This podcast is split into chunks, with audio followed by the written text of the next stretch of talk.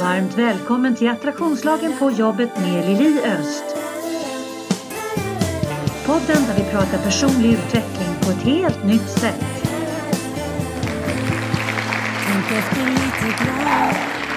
Varmt välkomna till Attraktionslagen på jobbet. Idag har jag en poddinspelning med min fantastiska gäst som jag är så glad att jag har här i, ja inte studion kanske, men online idag, nämligen Antoni Lassinai. Varmt välkommen Antoni! Massor med tack! Ja, så himla mysigt att du är här i podden, eller här och här. Jag ser dig i alla fall. Det är, helt, alltså det är en av de sakerna som jag tycker är faktiskt helt magiska med dagens eh, teknik. Att man, du kan sitta i, vad är du, Sölvesborg? Ja, precis, i Blekinge, just det. Precis, och jag sitter i Nacka, Stockholm och vi tittar på varandra och eh, kan prata med varandra. Det är väl i alla fall helt magiskt. Vi är nog båda två i någon slags ålder där vi fortfarande kan häpna över dessa tekniska framsteg. jo, men det är väl i alla fall härligt. Och jag, vet, jag, jag pratade med min syster igår och hon har en kompis vars dotter, han, han bor i, eh, på Mallis och dottern bor i Norge och har ett litet barnbarn då på 17-18 månader eller något sånt där. Alltså för 10-15 år sedan, då kunde vi inte ha en relation med någon som inte var fysiskt närvarande. Men idag sitter ju han och liksom käkar frukost med sitt barnbarn och, och alltså det är ju helt fantastiskt för att vi kan ju faktiskt, även om det är, det är det näst bästa, men det är i alla fall, det finns en enorm potential i det, eller hur?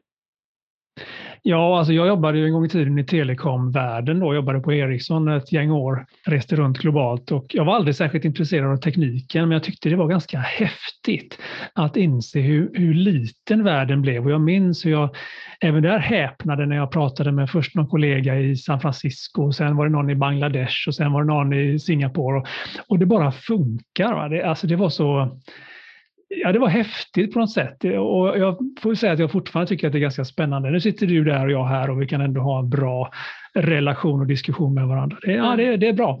Mm. Det är häftigt. Och, det har ju liksom blivit ännu mer möjligheter nu under covid. Även om det finns mycket saker som vi behöver lära oss så finns det också många, många möjligheter med det här tänker jag. Och, kommunikation det är ju ditt gebit överhuvudtaget oavsett hur kommunikationen ser ut så det är ju ändå kommunikation som du har fokuserat på, eller hur? Ja, det spelar egentligen ingen roll om det är analogt eller digitalt om vi nu ändå pratar om mänsklig kommunikation. Ja. Eh, jag är inte någon expert på någon slags eh, du vet, eh, intranät eller sådana där saker. Det är inte alls min grej. Men just när det gäller mänsklig kommunikation och sen fokuserar jag ju framförallt på arbetsplatsen för det är där mina kunder finns. Ja. Men kommunikation behöver du i alla lägen. Det är ju ett transportmedel och en transportkanal samtidigt. Mm, mm. Och så otroligt viktig. Och det finns ju så många ställen att snubbla på tänker jag. För att man behöver, alltså, om jag tittar på det ur mitt perspektiv så tänker jag att kommunikation behöver, man behöver zooma ut när man tänker kommunikation mellan människor för att se en större bild, inte bara liksom vara i reaktion på människor utan zooma ut för att få en större bild på själva interaktionen och framförallt var man vill landa. Och många gånger tänker jag att det finns en, en, en ganska duktig inkongruens mellan vad man säger att man är och hur man kommunicerar. Eller vem man säger att man är och hur man kommunicerar. Så det finns ju en utvecklingspotential skulle jag säga i det här området. Både privat och på arbetsplatsen. Alla människor som någon gång har missförstått någon annan eller blivit missförstådda vet ju vad du menar. Mm. Eh, det är ju otroligt svårt egentligen med kommunikation. Alltså man kan inte begripa hur svårt det är när man förrän man bara tittar på det ordentligt. Och jag är fortfarande lite sådär förbluffad över att vi överhuvudtaget förstår varandra. Det borde nästan inte gå. Mm. Och det du säger där med kongruens då, för den som inte vet det så betyder det att hur du säger det och vad du säger ska lira ihop. Då. Mm. Och ganska ofta så gör det inte det. Vi skakar på huvudet och säger ja eller vi tittar ner i backen och låtsas vara glada. Alltså det, det finns så mycket som kan hända där helt omedvetet. Och mm väldigt mycket av kommunikationen är omedveten och det är klart att det både ställer till det och, och kanske ibland hjälper till också. Mm. Det är väl mina snabba tankar på den inledningen du hade där mm. tror jag. Mm. mm. Du, du kallar, alltså du, om, man, om man tittar på din LinkedIn-profil så står du att du är the workplace communication wizard. Jag tycker det är en bra titel. Tack! Jag leker med den ibland. Ja. Byter faktiskt titel ibland, men jag, ja, men jag tycker den, är, den säger någonting. Jag är någon slags kommunikationstrollkarl som går in i olika organisationer och mm. hjälper till och förstärker en del beteenden och kommunikation. Så att folk ska må bättre och ha roligare på jobbet. Jo, för det är det det handlar om någonstans. Om man tittar på allt vi gör som leder till ett bättre resultat, oavsett om det handlar på sista raden eller om det handlar om ett bättre resultat i, i eh, hur folk mår eller trivsel på jobbet eller eh, energi mellan arbetskollegor eller vad, vad det än är för någonting eller i din relation hemma med din fru eller man eller så vidare. Allting som vi gör i syfte att skapa en liten förbättring, det är ju för att vi strävar efter att må så bra som möjligt. För det är det som är grundplåten. Alla våra visioner, alla våra mål vi sätter, oavsett om det handlar om att sätta mål att vi ska nå en viss eh, status i företaget eller vad det är för någonting, så är det ju för att vi tror att vi kommer må lite bättre när vi har nått det målet. Så att all förkovring, allting som vi gör för att skapa någonting bättre, det är i slutänden för att må lite bättre. Och om man tittar på det ur ett energiperspektiv så är ju om man tittar på det på riktigt, vad innebär det att må bättre för att få bättre resultat? För att om jag tittar på det från mitt perspektiv där jag pratar attraktionslagen och attraktionslagen rent kort, den funkar lika, attraherar lika och den interagerar med våran känsla av. Och även om vi tänker positivt men samtidigt känner negativt så är det alltid känslan som får förkörsrätt. Så, så att det är våran känsla, det är våran mesta känsla som ligger till grund för våra lyckade resultat och våra inte så lyckade resultat. Och, och om man då tittar på det ur ditt perspektiv där du jobbar med att skapa en kommunikation där folk förstår varandra, när de kan förstå varandra, när de kan acceptera varandras olikheter, när man kan landa i en acceptans, då mår man bättre. Och när man mår bättre, då har man en, en högre frekvens och interagerar med, eh, med varandra på en mycket högre frekvens, där man drar till sig mer positiva resultat. Om man liksom tittar på det ur ett energiperspektiv. Så att, att det du gör med kommunikationen, det, liksom, om man verkligen tittar på det eh, genom lupp, då handlar det ju om att landa väl och må bra, eller hur? Du lyssnar på Attraktionslagen på jobbet. Podden som utmanar gamla sanningar och inspirerar till nya tankegångar. Ja, det, det är nog så att alla människor har åtminstone det. Om vi liksom lyfter upp allting till någon slags jättehög nivå så vill vi nog allihopa bara må bra. Mm. Precis som du säger. Mm. Och sen har vi olika vägar till att må bra. En del mm. mår ju bra genom att dra ner andra i skiten. Ja, för att då ja, relativt precis. sett mår de bättre. Men, men de är inte jag så intresserad av på det sättet utan det är ju de som, som lyfter varandra. Och, mm. Jag har faktiskt en väldigt enkel mission. Jag vill bara att vi ska komma överens och trivas. Mm. Eh, det här livet vi har, låt oss göra det, någonting bra av det tillsammans. Ja, men eller hur? Eh, det finns så många trådar jag kan bygga på det här, på vad du säger nu så att jag, jag vet inte ens var jag ska börja någonstans. med alltihopa. Men, men nog är det så att vi vill må bra. Vi vill också ha någon form av inflytande. Vi vill känna någon form av trygghet, mm. psykologisk trygghet och, och mycket av det handlar ju om att, att vi ska vara engagerade, motiverade och känna lusten till saker och ting. Mm. Därför har jag också inte bara lagt tid på tekniska detaljer om kommunikation. Eh, hur du har ögonkontakt när du pratar. Eller, alltså det, det, det, det finns en sån aspekt, men jag tycker mm. det är lika spännande, kanske mer spännande med psykologin bakom och motivationen som finns mm. i människor. Det finns så mycket man kan göra där om man har gemensamma syften, gemensamma visioner och så här. Och mycket lättare för varandra alltså att, att komma överens också och, och, ha respekt för varandra om vi vet att, att vi får lyfta saker, även om inte det är bra saker. Vi får lyfta saker för vi, vi är omtänksamma tillsammans och sådär. Mm.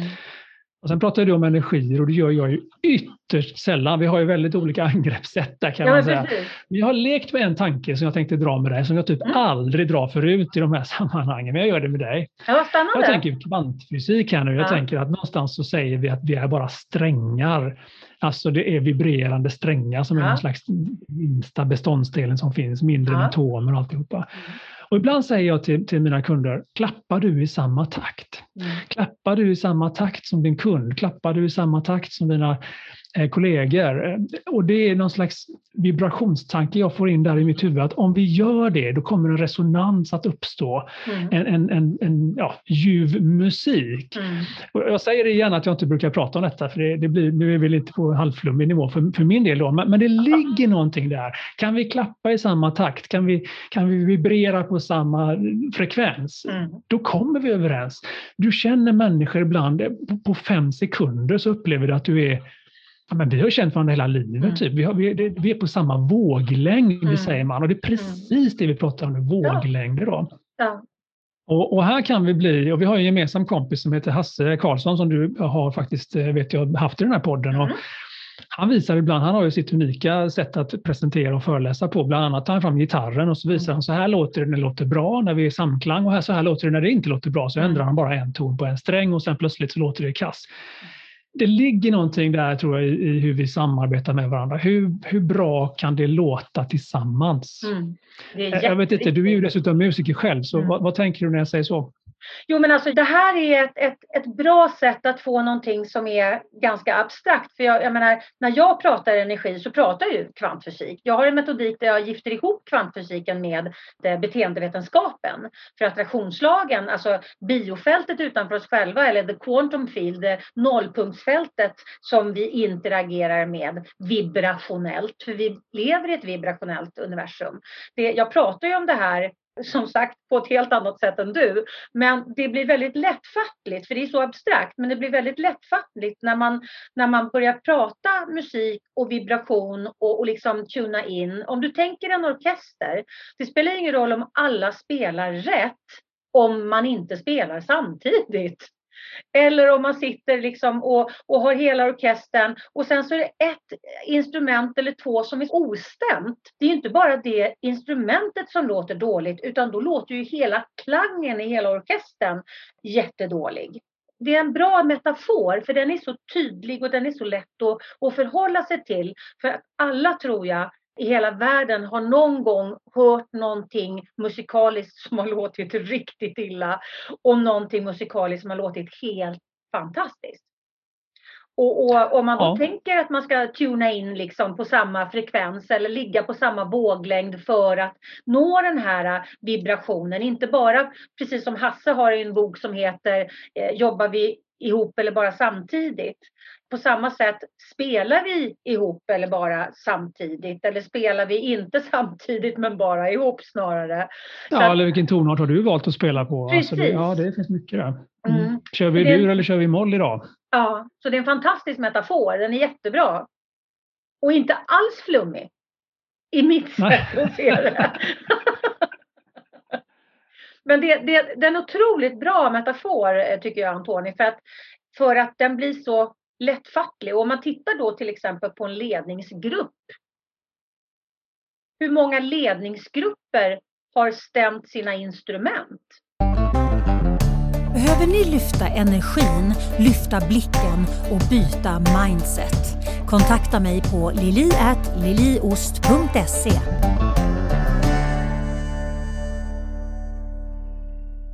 Jag har ju en del åsikter om ledningsgrupper och, och eh, har skrivit en, en sån här krönika i vd-tidningen som heter Ledningsgruppen är död och den blev ju den mest lästa, tror jag, två år i rad eller någonting nu på, en av de mest lästa i alla fall. Eh, och den handlar egentligen om att vi, vi har många ledningsgrupper som bara är avrapporteringsformat, mm. alltså möten då för för högsta chefen då, mm. så att den personen känner att den har kontroll och alla andra sitter bara och avrapporterar och tycker mm. livet är ganska tråkigt för de är mm. inte så intresserade av vad de andra gör, Nej. hjälper inte varandra, har ingen har inte liksom tagit fram den här fina möjligheten man har att nyttja den här kollektiva intelligensen och, och hjälpa varandra framåt. Bara för att du jobbar med HR och jag jobbar med produktion betyder inte det att vi ska vara ointresserade av varandra du kan ha ett dilemma som jag kanske kan hjälpa till med, men jag måste få den möjligheten då så att jag inte bara är där för att rapportera mina siffror. Ja, men, det, det men sen finns det också de som är duktiga på detta. Det är inte, det är inte så att alla är kass på det här. Men då händer saker också. Då, då mm. plötsligt finns eh, ledningsgruppen till exempel då för, ett, för ett, ett syfte, att vi tillsammans ska nå ett antal mål vi har satt upp. Även om du är ansvarig för ett mål så är det vi tillsammans som hjälps åt att ta oss dit. Mm. Har du någon, någon utmaning du vill lyfta med oss andra, gör det. Och det kan du bara göra om du känner dig trygg. Mm. Icke hotad. Mm. Jag säger ibland, och jag har säkert läst i någon bok här, att, att hjärnan ska lysa grönt. Så fort det är rödljus någonstans i hjärnan, eh, överlevnadsfunktioner känner dig hotad, det kan ju vara maktspel, vad som helst, isolerad, eh, känslomässigt, eh, gillar inte de som är där eller är hungrig eller vad som Mm, helst. mm. Varje gång det lyser rött så kan du inte vara konstruktiv, kreativ, produktiv. Och därför gäller det att hitta det här, den här atmosfären i ja, vare sig det är ledningsgruppen eller avdelningen eller hela organisationen, där, Mm. där, där man känner den här gemensamma visionen, missionen och tryggheten att Mm. försöka ta sig dit tillsammans. Mm, mm. Och där tänker jag också, för att jag, när jag pratar eh, förändringsprocesser med, med företag eller med privat, privatpersoner också för den delen, men om man tänker eh, framförallt nu i företag, som det här, den här podden heter ju attraktionslagen på jobbet. Jag har ju också attraktionslagen 2.0 som är mer privat, det handlar mer om privatpersonen. Men jag tänker ju att det är privatpersonen som går till jobbet och, så att det liksom, vi är fortfarande samma människa även om vi är på arbetet eller om vi är liksom i privat eh, atmosfär. Men om man tänker att man ska göra en förändringsprocess då i företaget eller i teamet, i arbetsgruppen, vad det nu är för någonting. Och sen så tittar man ju då på, okej, vad har vi gjort innan? Vad har vi fått för resultat och vad vi vill, vad vi vill ha för resultat framåt och vad ska vi göra då? Man kanske tittar på hur har vi tänkt och känt på företaget? Där kan man absolut gå in och göra. Men det är inte så många förändringsprocesser som verkligen går ner på djupet på individen. Hur har jag förhållit mig? Vad är det som har liksom ligger till grund för att jag har bidragit med det som jag har bidragit med hittills som vi nu vill förändra? Vad är det för rädslor jag har? Vad är det för sanningar som ligger i vägen? Vad är det, liksom, vad är det jag absolut inte kan eller absolut inte vill? Vad är det som går emot mina principer eller mina värdegrunder och så vidare? Om man inte går ner på djupet på det sättet så blir det ju väldigt svårt att göra en, en, eh, en förändringsprocess som blir en hållbar förändringsprocess. Det blir ingen transformation utan den blir som ett glas vatten. Man sätter in den i frysen och så blir det is och så tar man ut det i, i, i rummet igen och då blir det tillbaks till vatten. Ja, intressant eh, liknelse. Ja, den är jättebra. Jag fick den av en, en, en kollega till oss, Elisabeth Winberg Hörn, som också föreläser. Och eh, den är fantastisk den metaforen tycker jag, för den är väldigt tydlig. En transformation, då tänker jag liksom en, en puppa som blir en fjäril. Du får inte in fjärilen i puppan igen. Men ett glas vatten som ställs i frysen och sen tas ut, det blir till sin forna form. Ja, för då har vi försökt och sen ger vi upp och så, och så bara kör vi vidare som vi alltid gjort. Och ibland är kulturen starkare än strategi, eller oftast är kulturen starkare än strategin. Så att eh, om inte de är i Mm. samklang så vinner kulturen. Det säger ju många. Jag tror faktiskt att den sanningen är rätt så sann. Alla sanningar är inte sanna, men, den- men den tror jag nog är, att det finns en bäring på. Mm. Jag läste också någonstans, jag tror det var i den här tidningen Hollon, eh, sån här hjärnforskningstidning, att eh, beslut och identitet sitter på ungefär samma ställe i hjärnan. Så när det skaver, när du gör någonting och det skaver, du går med på någonting och det skaver, så är det förmodligen så, jag ska inte säga säkert, men det kan vara så, att det här inte rimmar med din, med din identitet. Och, och när man tittar på det här med förändringsprocesser så är det ju någonstans så att du ska flytta dig och all förflyttning innebär motstånd. Det är Mm. någon slags naturlag. Mm. Eh, och har du då inte klart för dig att den här nya platsen du ska komma till, från, från nuläge till nyläge säger jag ibland, eh, om inte det här nyläget är sådant att du vet att det fortfarande rimmar med din identitet, att vi har en värdegrund som är stark, det är inte det det handlar om. Oftast är den identiteten, om den är utmejslad så är den långvarig. Det är ingenting vi bara byter från vecka till vecka. Nu ska vi vara mer hänsynslösa eller nu ska vi vara Nej. mer serviceinriktade. Utan, utan det finns någon grund där som man har lagt, oftast någon form av värdegrund som är helt värdelös om inte man använder den på ett vettigt sätt. Men om man använder den bra så, så säger den vilken identitet du ska ha, alltså som företag, organisation, men förmodligen också som individ. För om inte den värderingen och den, den, den värdegrunden är sann för dig som individ så är det ju jättesvårt att vilja ens vara på den arbetsplatsen. Mm. Och när förflyttningen då behöver göras av olika anledningar, marknaden förändras eller demografin förändras, någonting har hänt som gör att du behöver ändra dig. Eller du vill ändra dig för du vill ta en ny position. Då är det nog värt att hela tiden gå tillbaka till det högre syftet. Mm. Varför är vi här? Vilka är vi? Eh, Att den är beständig någonstans. Mm. Och sen kan man ändra på målen under för att vi mm. behöver, det, det, är stopp här nu, det finns ingen, vi kan inte åka längre, vägen tar slut. Men däremot om vi backar eh, 500 meter så fanns det ju en annan väg, vi tar den istället. Mm. Men vi ska fortfarande till en destination, vi har fortfarande ett slutmål, dit någonstans där vi ska, där vi vill vara. En bättre världen. Då är det lättare att acceptera förändringar om vi fortfarande är överens om det högre syftet och den mm. identiteten vi har. Problemet uppstår tycker jag när när vi säger att vi ska vara på ett sätt och sen agerar vi helt annorlunda. Mm. Då känner man sig rätt sviken också som individ. Mm. Du lovade faktiskt någonting. Och jag har så många exempel på det. Dels när jag varit ute hos kunder, men också när jag själv varit anställd en gång i tiden. Jag minns fortfarande de som pratar om att vi ska ha sparbeting, för nu var det hårda tider. Och sen ser jag hur de sitter i business class istället för ekonomi mm. på ett flygplan. Och de ser mig och jag ser dem och de fattar direkt och de skäms och de kollar ner i säkerhetsanvisningar mm. som de aldrig gjort förut. Men de fattar ändå. Mm. De är avslöjade. Mm. Det är inget bra. Hade de varit de första som satte sig längst bak i det där planet för att vi måste flyga någonstans, mm. då hade de visat också med handlingar hur viktigt det var för dem att vi har det här sparbetinget. Mm. Jag, jag ger det som ett exempel. Jag har sett andra som har gjort tvärtom väldigt bra saker, där de väldigt tydligt står, liksom, står för det de gör, de är förutsägbara, de, de har en, en, en tydlighet som jag kan uppskatta mycket ibland.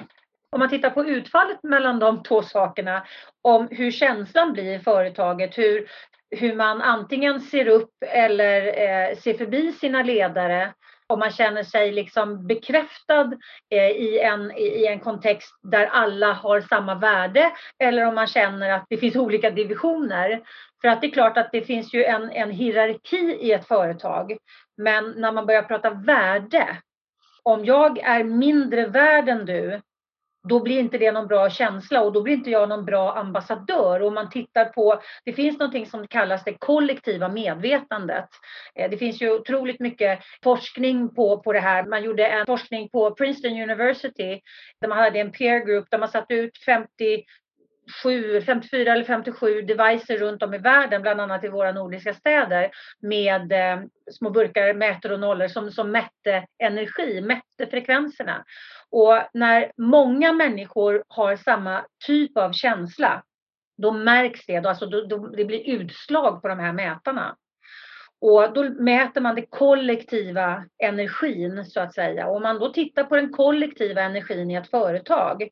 För att om man har en organisation som inte funkar känslomässigt, då är man värre ute än man tror om man tittar på det ur ett energiperspektiv som jag gör och tittar på vad genererar det här? Vad händer när gnällhörnan i fikarummet är full? Vad händer när man snackar skit om sina chefer, när man snackar skit om sina medarbetare? Vad händer när man helt, hela tiden känner sig osedd, oinkluderad, obekräftad? Det här skapar känslor och de här känslorna lägger ihop sig. Alltså de, vi, vi lever i, i elektromagnetiska fält och de här krokar i varandra och blir starkare och starkare. Så att om vi har en organisation där det finns väldigt mycket missnöje så får det här ett energikvitto. Alltså det går inte, om man tittar på universum är byggt i frekvenslager.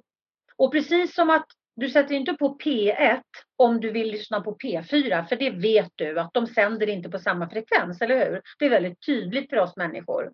Men om man tittar på negativt och positivt fokus, de ligger precis lika lite som P1 och P4 ligger på samma frekvens, gör de. Vilket betyder att vi kan inte ha ett negativt känslofokus men förvänta oss att vi kan skapa positiva resultat. För de lirar inte, de hittar inte varandra. Och det här är också väldigt viktigt att förstå att, att eh, om vi ska kunna skapa en harmonisk framgång i ett företag eller en harmonisk kommunikation i ett företag så behöver vi höja upp oss i frekvens för att vi kan inte dra till oss några positiva resultat om vi är nere liksom på källarvåningen och håller på och härjar. Och, och genom att jobba då som du gör tänker jag med kommunikation och med inte bara kommunikation, för jag tänker att du jobbar ju också, jag lyssnar på många av dina klipp som du har, bland annat ditt fantastiska TEDx Vasa, det var ju helt magiskt. Där jag skrivit upp några grejer som jag skulle vilja ta där, för det var så himla bra. Eh, och läst många av dina krönikor och så vidare. Så att du jobbar ju inte bara med kommunikationen, utan du jobbar ju faktiskt väldigt mycket med lyssnandet. Söker ni en annorlunda kick-off i år, in real life såväl som online? Kontakta mig på lili.liliost.se.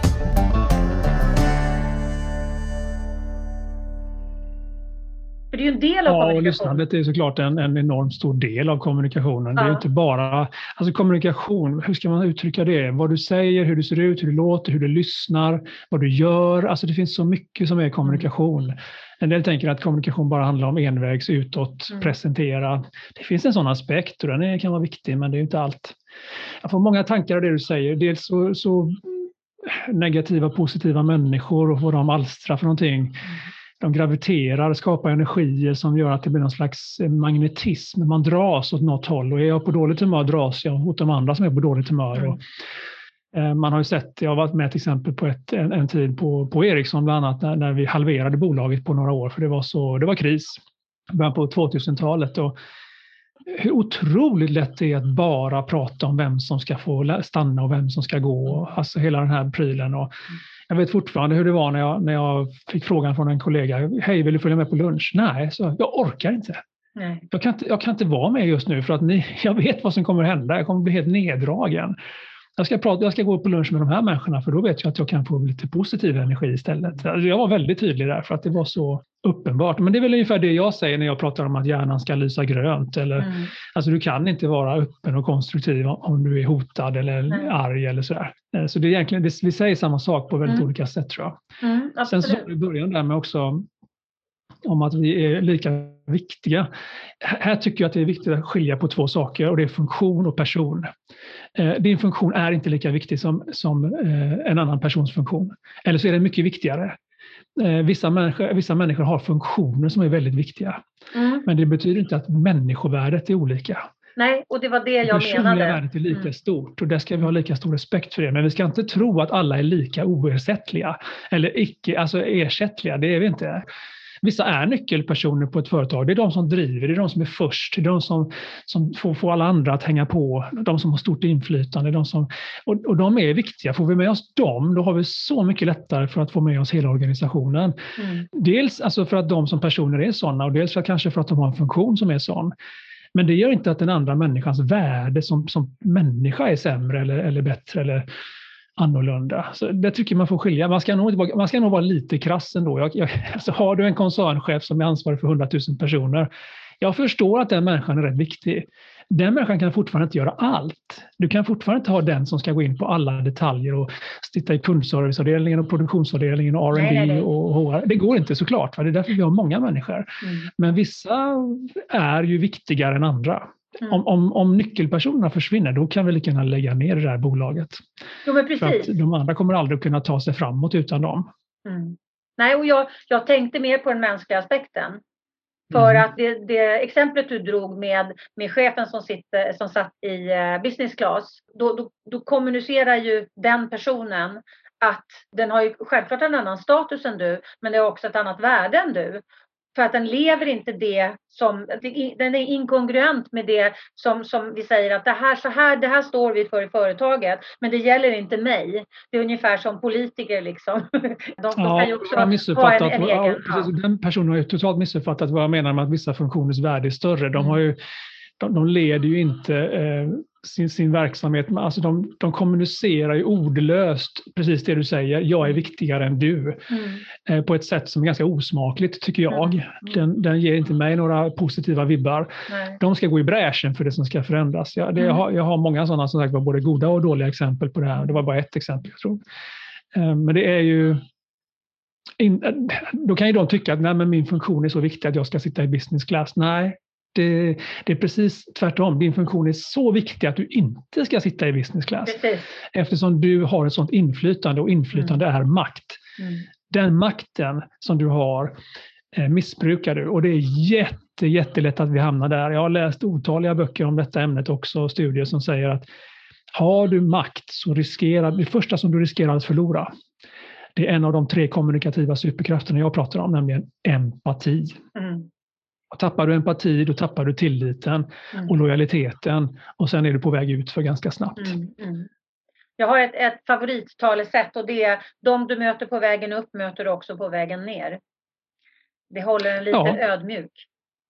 Ja, men faktiskt. Och inte bara för att du kan bli påpassad utan för att det faktiskt är bra för både dig och alla andra att göra så. Mm. Då, då trivs vi tillsammans. Då gör vi bra saker ihop. Det, det ger goda resultat.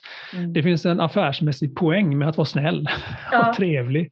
Jo, alltså, utan att vara vek. Ja men precis, för det är ju också en missuppfattning tänkte jag. Jag såg någon, något inlägg som någon hade gjort på LinkedIn i, i morse. Det här med att liksom återinföra snällheten. För att, att vara snäll betyder inte att vara svag. Men i många sammanhang så har det blivit liksom någon typ av sanning. Men man kan väl vara en snäll människa men en väldigt tydlig människa och absolut inte vara vek eller svag på något sätt. Men man tycker om att vara snäll mot sina medmänniskor. Alltså det, det, det borde egentligen vara hårdvaluta. Ja, det är en grundinställning, men som du säger, snäll och svag kan ibland sättas i samma alltså mm. andetag och det, det stämmer ju inte. Nej. Man kan ju, man kan ju vara snäll på, på någon slags dörrmattenivå, att man bara mm. trampas på då. Då, har man ju inte riktigt, då är man ju svag. Mm. Eh, men då tror jag den där snällheten snarare är en, en total osäkerhet och någon mm. slags önskan att vara till lags i ja. alla lägen och det är Precis. inte samma sak som att vara snäll. Nej. Det är ungefär som att när jag brukar prata om kommunikation att det är viktigt att kunna vara sårbar. Då kan också en del fnysa lite grann och tycka att nej, vadå sårbar? Mm. Jo, alltså, jag lovar, om du, om du vågar tala om att du faktiskt är människa och inte är bra på allt, mm. då kommer du att vinna på det. Du kommer att vinna dina medarbetares, dina kollegors eh, gillanden faktiskt. De, de gillar inte människor som låtsas vara perfekta.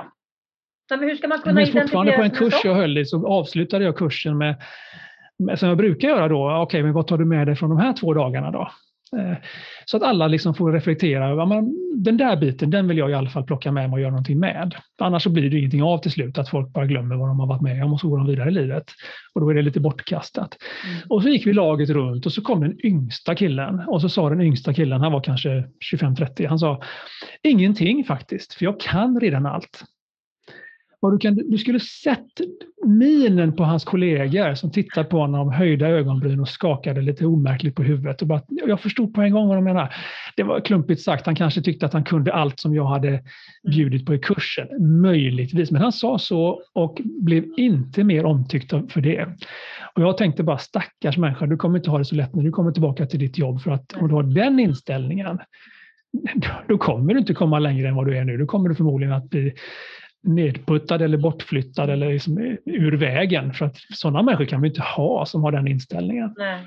Det var, jag minns fortfarande det med någon slags häpenhet mm. som, som gör att jag kan komma ihåg och berätta det för dig idag, fast det var tio år sedan. Jo, men, alltså, men den, med den inställningen till livet, då är man ju liksom så här, det finns ingenting som du kan säga som kan få mig att tänka på ett annat sätt än jag gör idag. Det finns ju noll utvecklingspotential en sån människa. Utan då har man ju bara sin egen liksom, eh, fixerade sanning utifrån sitt eget ganska snäva synsätt. Och, och det blir ju ingen medspelare. I, i, i, några. Nej, liksom. det, blir, det blir inte det. Jag kommer fortfarande ihåg de, de fina orden som eh, huvudläraren i ekonomi sa när jag gick på IHM en gång i tiden och läste marknadsföring.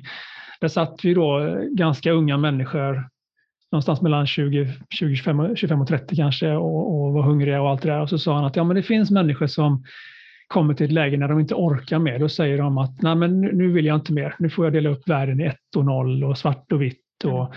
rätt och fel så att jag kan liksom släppa min ångest. Och sen finns det sådana som ni, sa han. Och så tittade han på oss och det kändes som att han tittade rakt på mig fast vi satt där 200 personer. Mm.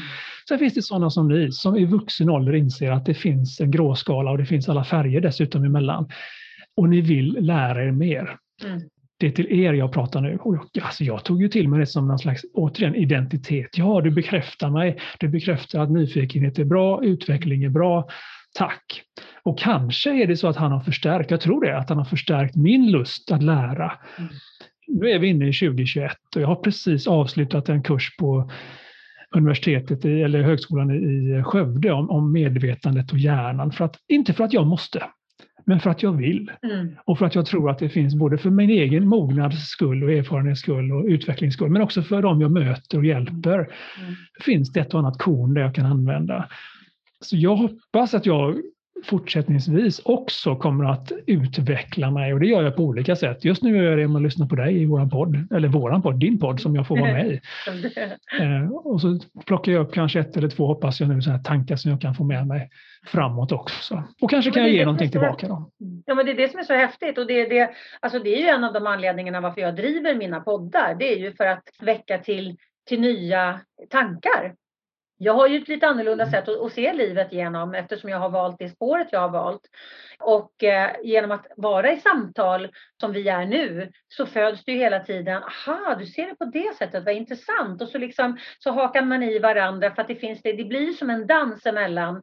Och, och någonstans är det ju så att det är för att både du och jag älskar det vi gör. Vi är ju in, inspirerade av det vi gör och det är därför lusten att lära sig mer finns där hela tiden som, som liksom en, en, en pockande eh, nyförälskelse. Jag, ska, jag kan säga att jag är, jag är nyförälskad hela tiden i, i, det jag lär mig på något vänster. För det finns så otroligt mycket saker att lära sig mer om. Och, och, och jag har någonstans hela mitt liv har jag jobbat med att zooma ut. Jag förstod väldigt tidigt i mitt liv att det finns en större bild att tolka. Behöver du som chef och ledare ett bollplank? Kontakta mig på liliatliliost.se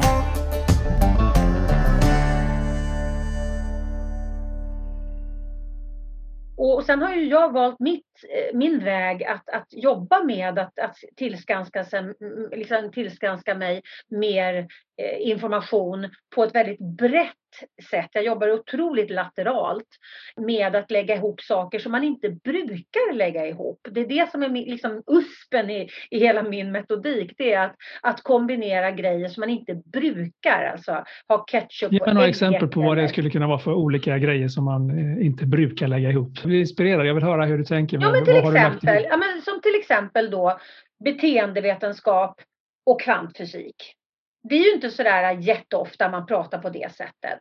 Eller att jag pratar beteendevetenskap och healing.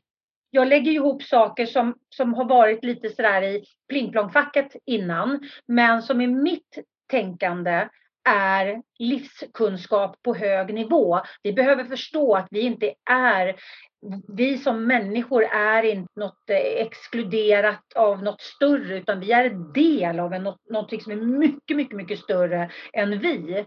Och, och det är den bilden som jag har jobbat ett helt liv liksom och fortfarande gör för att tolka den större bilden för att förstå hur vi interagerar med det här större och hur vi interagerar på en annan nivå än oss själva och så vidare. Så att jag, jag plockar ju saker från, från, eh, från vanliga eh, liksom, metodiker men också ovanliga metodiker eller ovanliga liksom att till exempel prata antiinflammatorisk kost och tankeverksamhet beteendevetenskap, alltså det gör ju folk i dagens läge men för kanske 15 år sedan gjorde man inte det. Man pratade inte om, om det i samma kontext. Jag hade ju Jesper Karon här eh, som gäst för några veckor sedan i Attraktionslagen på jobbet och han berättade när han började prata om, om, eh, om hjärnan och beteenden och energi och så vidare så blev ju han liksom, han var ju helt avpoliterad. Och det var ju typ 15 år sedan så det är inte så länge som vi har gått det här spåret utan då var det väldigt liksom koncentrerat på det ena eller det andra. Och jag jag vurmar ju för liksom att, att äh, gifta ihop de här sakerna som kanske inte man brukar gifta ihop för att hitta nya vägar fram. Och nya bilder att tolka liksom. Ja men vad bra, tack. Då fick Då jag en förklaring. Ja. förståelse. Känns det konstigt för dig eller? Nej, alltså jag, jag, jag, tänker många tankar här. Jag tänker eh, Oli. Oli är holländare som bor i min eh, kommun där jag bor numera och han är osteopat tror jag det heter. Det är när man har någon form av holistiskt förhållningssätt. Om jag säger att jag har ont i axeln så kan han säga att ja, men när jag har undersökt en timme nu så beror det faktiskt inte på din axel utan det beror på något helt annat då. Så han kan, han kan se en större bild apropå mm. det du pratar om. Mm. Och det tycker jag man kan sakna ibland i den mer tekniska naturvetenskapliga förhållningssättet. Va? Gå till doktorn och så är det typiskt så att, att de, de, de försöker behandla exakt den saken men de glömmer att det finns en annan anledning. Ja, du mm. haltar bra, jag lägger in ett inlägg istället för att jag försöker förändra din kroppshållning eller vad det nu kan vara för någonting. Då. Eh, och det kan jag tycka är lite synd ibland, att inte man kan se det lite större. Sen har du och jag valt olika vägar. Jag ser mig som en agnostiker i det här fallet. Jag har bestämt mig för att jag inte har eh, rätterna ens att, att ifrågasätta det du säger med energier och annat. Jag tycker det är lite spännande, intressant, eh, är inte övertygad åt något håll utan jag bara tänker att någonting finns ju som inte jag vet om i alla mm. fall. Mm. För sen kan man prata om till exempel ja, men du vet attraktionslagen, du drar till dig det du tänker och sådana här saker. Då kan man ju se det på olika sätt. Tittar man på det naturvetenskapligt säger ju hjärnforskning att du har något som heter det retikulära aktiveringssystemet. Mm, mm. Reticular activating system som egentligen fungerar som en radar i ditt huvud. Så att om du behöver en, en om du är sugen på att skaffa barn, då ser du bara gravida magar mm. överallt och du, och du börjar titta efter en lämplig partner och mm. allt det där öppnar sig för att det är det din hjärna just nu är fokuserad på. Mm. mm. Det är ett sätt att se på det. Ett annat är att du önskar dig och sen så blir det så. Och jag vet inte vilket som är rätt. Men däremot måste jag säga rent empiriskt, erfarenhetsmässigt, så funkar det oavsett. Man får på något sätt till sig det man, man upp, uppmärksammar och sen om det beror på att som du kanske säger att universum eh, hjälper dig dit eller om jag tittar på, på forskning som säger att det, det är din, ditt medvetande som för övrigt är ett av de mest mystiska väsen som mm. finns, medvetande. Nu när jag precis har läst om detta dessutom, consciousness and the brain. Alltså hur 17, alltså det är så svårt och så intressant detta. Det intressant. Eh, så, så jag vet inte vilket som är rätt, men jag kan, jag kan säga att så långt i alla fall som jag tänker på det så har det funkat ganska bra. Mm. Det är som någon säger ibland, vad är din, hur ser din marknads... Du har ju hållit på så länge, kan inte du berätta hur, hur ser din marknadsplan ut? Och så här. Alltså, jag skulle egentligen bara vilja säga ibland, jag önskar mig det och sen blir det så.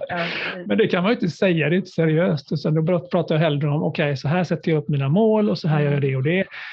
Och gör jag inte det, då kommer ju ingenting att ske ändå tycker jag. För, mitt, för min del behöver jag göra det. Jag behöver sätta de där målen för att kunna vi behöver ju energi. Låta min hjärna lysa med spotlighten på mm. det istället för på något annat. För det ska man ju vara medveten om att om jag gör det, då har jag också mörklagt andra delar mm.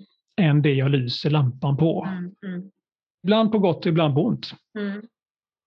Om man tittar på det ur ett energiperspektiv, alltså du gör ju det jag pratar om det är därför det är så viktigt för mig att blanda attraktionslagen med beteendevetenskapen och prata hjärnans funktioner, prata våra filter, våra kognitiva filter, alla, alla våra kemiska processer i kroppen.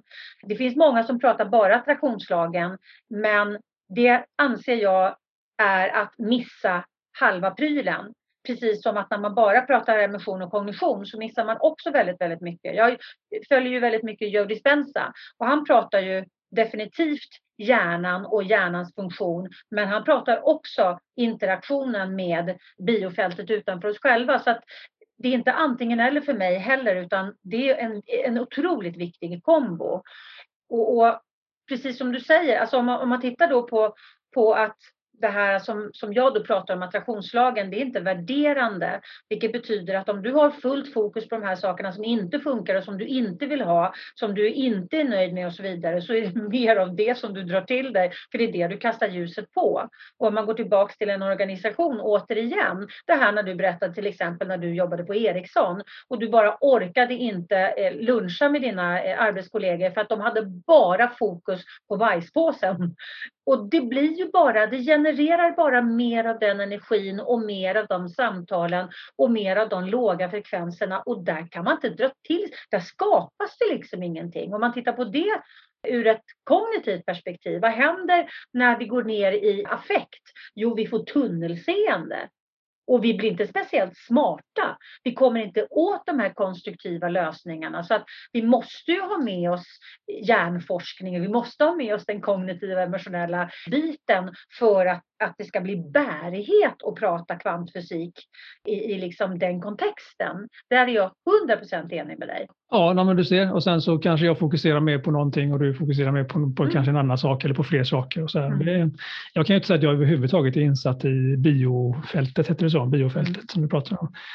Mm. Jag har sett The Secret, jag har kollat på den eh, och jag tänker att en del saker är intressanta och andra saker är bara rent eh, neontrams. Ja, Om man läser och tittar på den. Ja, och Ja. jag, jag, jag, tänker med positivt och plötsligt kommer det checkar i posten och Ja, jag bara nej. sluta liksom, lägg av. Det, det, här blir, det här blir så oerhört otrovärdigt så att jag, jag Ja. blir bara matt. Ja. Men det är däremot jag så 100% enig märker med. Vad sa du? Det är jag 100% enig med, sa jag. Ja, ja, ja, ja precis. Och det, jag tror inte någon av, av oss är ute efter det. Däremot kan jag märka att ibland så uppstår någon form av motstånd som man försöker att tränga sig igenom och det är ganska svårt. Mm. Det är nästan lättare att, att slappna av istället. Det är ungefär som när jag spelar golf. Om jag spänner kroppen då kommer jag ingen vart. Men om jag slappnar av. Det är nästan så att jag ska ha lite ont i ryggen eller någonting när jag spelar golf. Jag spelar ganska lite golf, men när jag gör det. För då måste jag slappna av. Mm.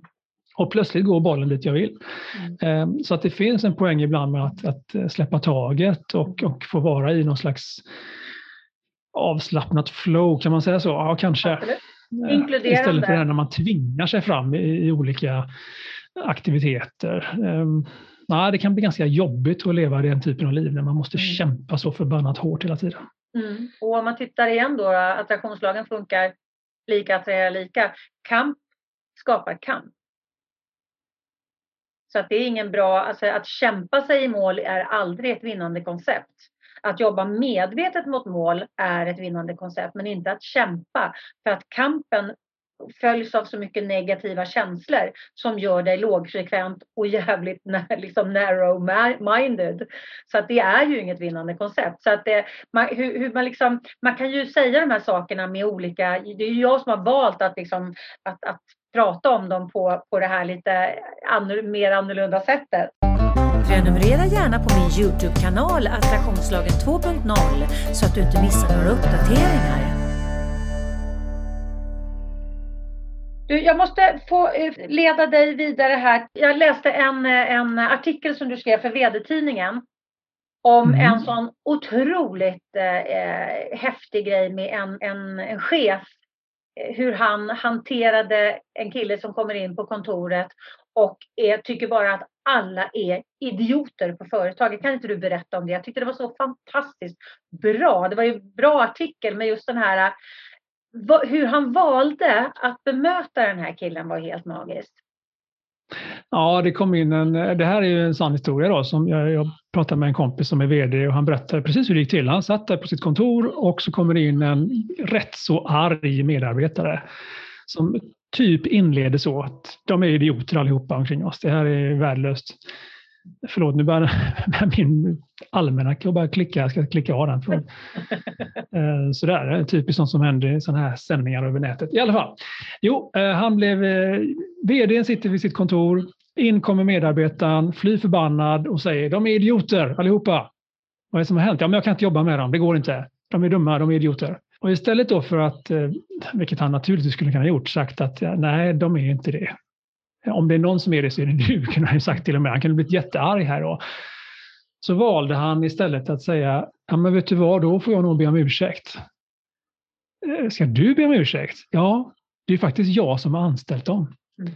Och sen fortsatte han då förklara liksom att du har, inte, du har inte valt att jobba med dem. Du har ju, du har ju valt att, att jobba här. Du får en lön för att göra ett jobb och komma överens och samarbeta med folk för att få saker gjort. Men du har inte valt dem som, medarbetare, som kollegor. Det har jag ju någonstans gjort. Så att om ansvaret ligger på någon så ligger det på mig. Och det han gjorde var att han tog fullt ansvar Mm.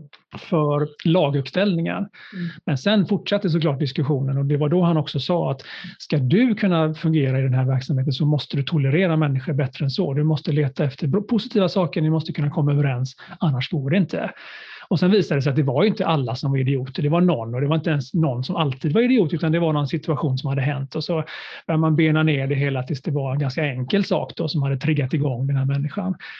Och ofta kan det vara en sån enkel sak men det kan också vara någon slags eh, vad jag brukar säga ibland är att man måste, man måste plocka ut det här gruskornet ur skon innan Mm. det blir ett sår. Så länge det bara är ett skav kan vi göra någonting åt det, men när det blir ett sår blir det ganska varigt och jobbigt Mm. och då är man i konflikt. Därför brukar jag också prata om att, att vara konflikträdd, det är bra. Därför att om vi definierar konflikt som att det har gått för långt, Mm. då ska vi vara rädda för konflikter. Det var Däremot ska vi inte vara rädda för skav. Vi måste kunna lyfta saker när det skaver och då Ja. har vi tryggheten som vi pratade om från början. Då lyser Mm. det grönt eller vi är på en positiv plats. Vi har samma gemensamma för att använda ditt ord, energi eller, eller så. så det, det han gjorde det var att han tog, ner, han tog bort den, den, den känslan av negativ energi och flyttade tillbaka den in till sitt eget ansvar. Mm. Och sen kunde inte medarbetaren bli lika förbannad längre, utan han, han pyste klart och sen så kunde han gå tillbaka och muttra lite och jobba och det blev bättre. Mm. mm. Så att eh, det var det den handlade om, den krönikan jag skrev och den, den kom direkt från hans mun. Så jag, jag tog den och, och sa det här vill jag berätta och han sa bara okej, okay, fine. Det var ju ett fantastiskt sätt att eh, förhålla sig till den situationen som blev. Ja, jag gillade det. Jag tyckte om att han tog ansvar för detta på ett sätt som gjorde att han också bytte perspektiv för den här eh, människan då som var så arg. Mm. Och inte bara avfärdade honom rakt av utan först lät honom få tycka så, mm. men också flytta fokuset till det är mig du ska i så fall bli arg på, inte någon mm. annan. Mm, mm. Och det är där alltså lead by example, alltså man, man behöver ju som ledare tänker jag, behöver man ju fundera lite grann på innan man reagerar på en reaktion. Eh, för att vad vill du ska växa? Vad vill, vad, vad vill du, vart vill du landa med det här? Det är ju alltid viktigt att ställa sig frågan, inte bara när man är ledare utan överhuvudtaget i alla samtal vi har. Vad vill jag landa i det här samtalet? Vad vill jag ha för känsla när jag går ur det här samtalet? Vill jag att vi ska vara liksom på samma nivå, på samma våglängd? Eller vill jag, oavsett om vi är överens eller inte, eller vill jag liksom tycka att det är helt okej okay att lämna det här samtalet med en gnagande känsla i magen eller har liksom sått eh, massa negativ energi runt omkring mig när jag, när jag går? Det här är ju ett ansvar som vi alla har och det är ju någonting som är här och nu, här och nu, här och nu. För vi är ju liksom inte skönare än vårt senaste möte.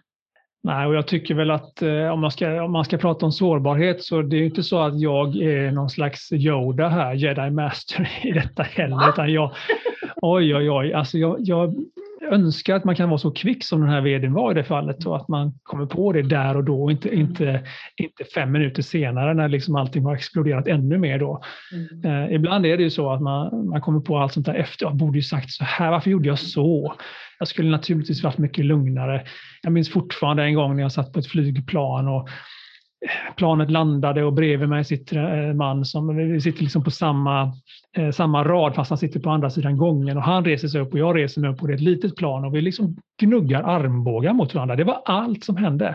Han blev jättearg. Han började skälla ut mig alltså med någon slags klingande finlandssvenska tyckte han att jag var det sämsta som funnits på det här jordklotet för att jag hade ställt mig upp samtidigt som honom och typ rört honom då.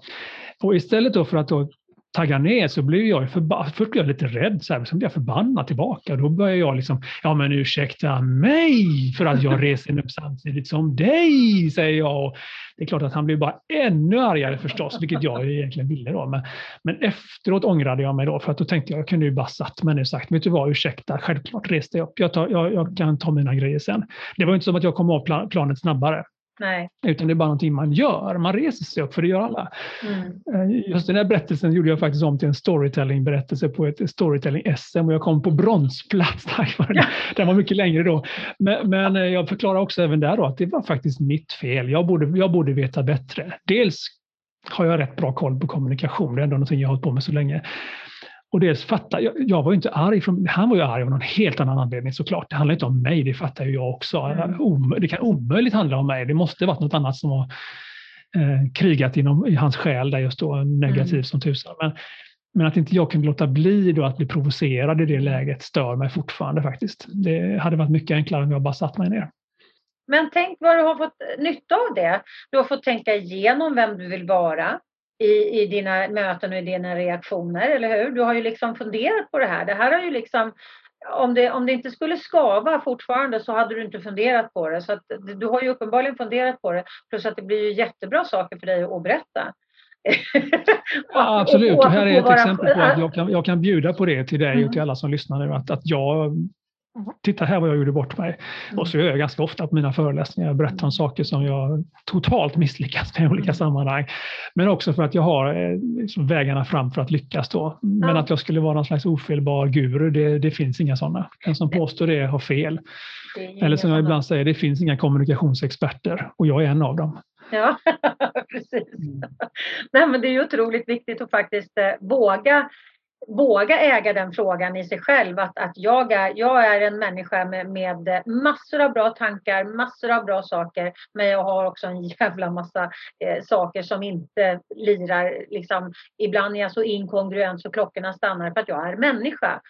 Om vi strävar efter att göra vårt bästa så betyder inte det att vi alltid gör rätt. Men det betyder att vi strävar efter att göra vårt bästa. Ja, vi måste ha en intention åtminstone. Om den är positiv så har vi i alla fall någon form av grund som är rätt. Sen mm. behöver vi göra fler rätt än fel generellt ja. för att det ska gå framåt. Ja, men precis. Du, du hade på ditt TEDx-talk där som jag kan varmt rekommendera er att gå in och lyssna på på Youtube.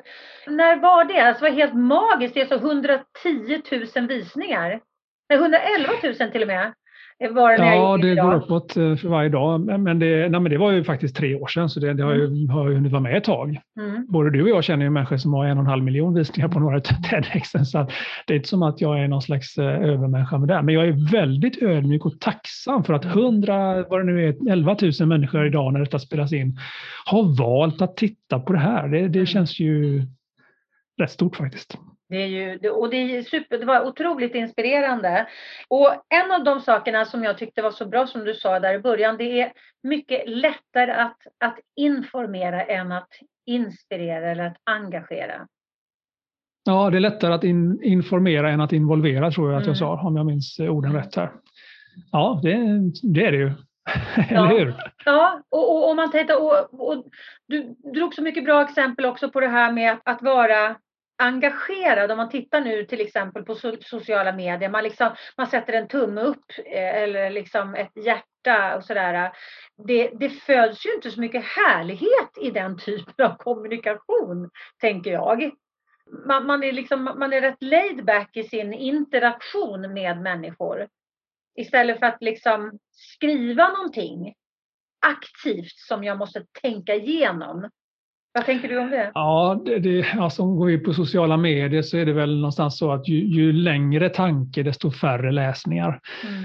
Folk har inte tid, utan skriver jag att eh, åh, nu är jag krönikör i den här tidningen, då kan jag få tusentals, tusentals, tusentals eh, människor som har tittat på detta och jättemånga tummar upp och sånt där. Men det har inte gett någon någonting egentligen mer än att ny, ha nyfikenhet och titta i den tidningen kanske. Mm. Medan om jag skriver en längre tanke, särskilt en artikel till exempel, då då är det ju bara de som verkligen vill läsa det som läser det. Mm. Ja, alltså det där är svårt. Om, man tittar, alltså om du inte skickar en tumme upp eller någonting, då kommer du ju då enligt algoritmerna inte heller att se nästa inlägg. Nej. Så är du intresserad av någonting så finns det ju en, en poäng med att åtminstone göra det. Mm. Men för, för, för eh, skaparen av inlägget så är ju det mer av en dopaminkick än något annat. Mm. Någon har sett mig. Ja. Jag, jag mår bra för jag har blivit sedd. Mm. Eh, det är väl ungefär det du gör. Mm. Men annars har du ju en, en, modell man kan använda som är jättebra ur ett ledarskaps eller eh, kommunikationsperspektiv som handlar om att involvera mer än du informerar. Mm. Så om du har involvera, informera, implementera så, så är tesen att den som involverar mycket behöver informera lite. Alla har ju varit med. Ja. Och då kommer implementationen lättare att bli av. Mm. Jag brukar också säga att det är egentligen bara en ledare som kan informera. Alla andra ska låta bli. Därför att en ledare informerar inte bara, de inspirerar. Mm. Och då kan du tänka dig att ur ett ledarskapsperspektiv kanske det ska handla om att involvera, inspirera, implementera. Mm. Eller, eller om man använder, jag använder det på engelska också, men jag använder också en annan term som är liknande när jag säger engage, energize, execute. Mm. Så du har ju engagera, folk omkring dig så att, att vi gör saker tillsammans. Energize handlar om att entusiasmera, inspirera och sen execute handlar om att få saker gjort. Och då är det mm.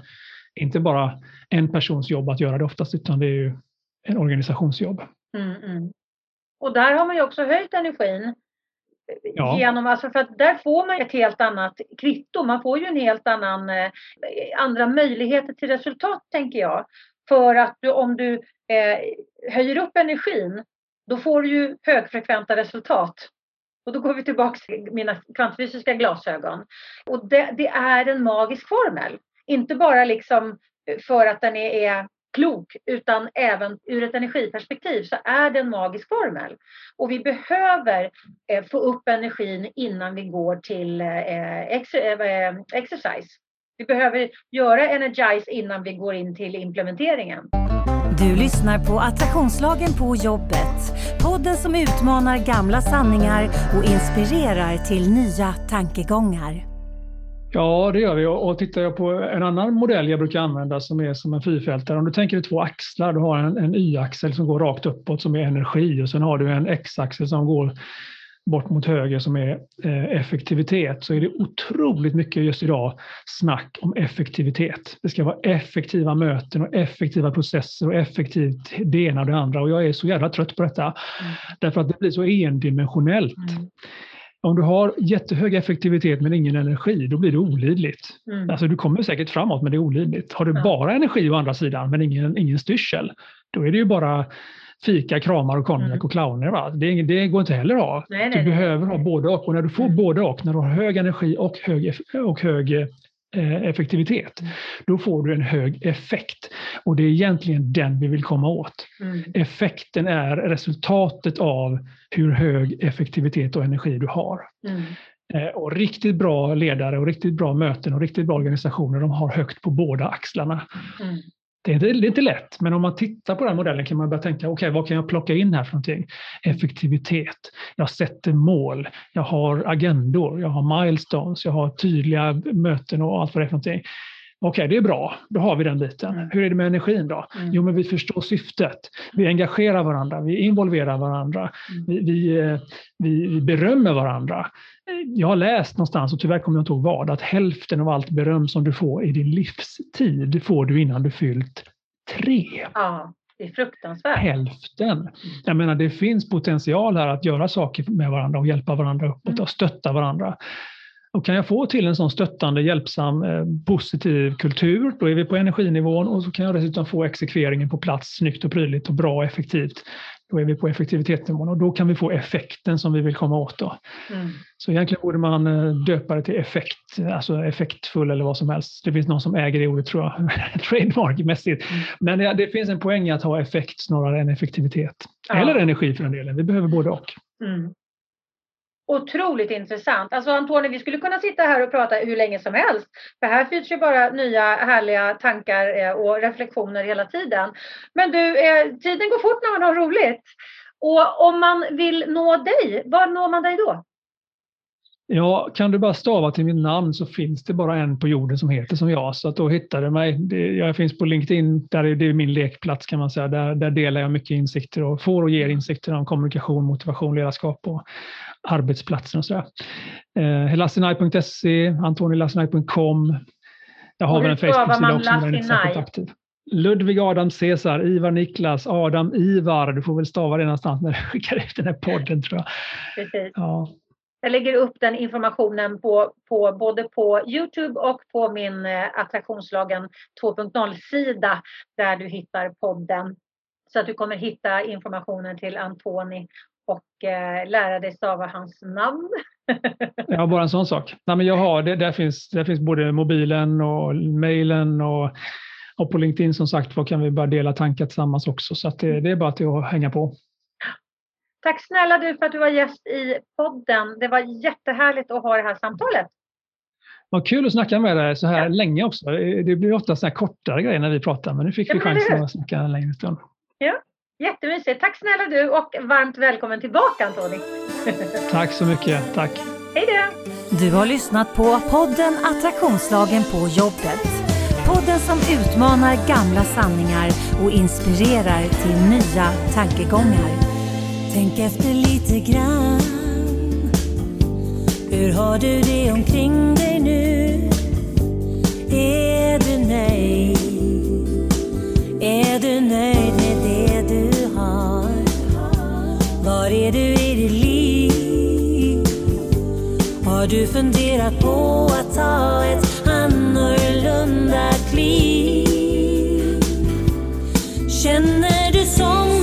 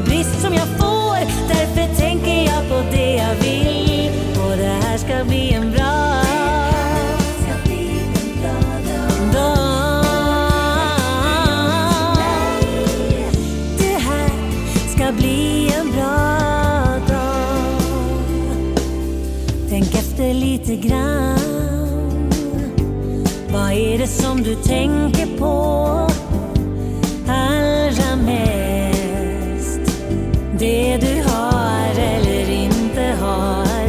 Vem är du i ditt liv? Och har du tagit rodret eller drivet?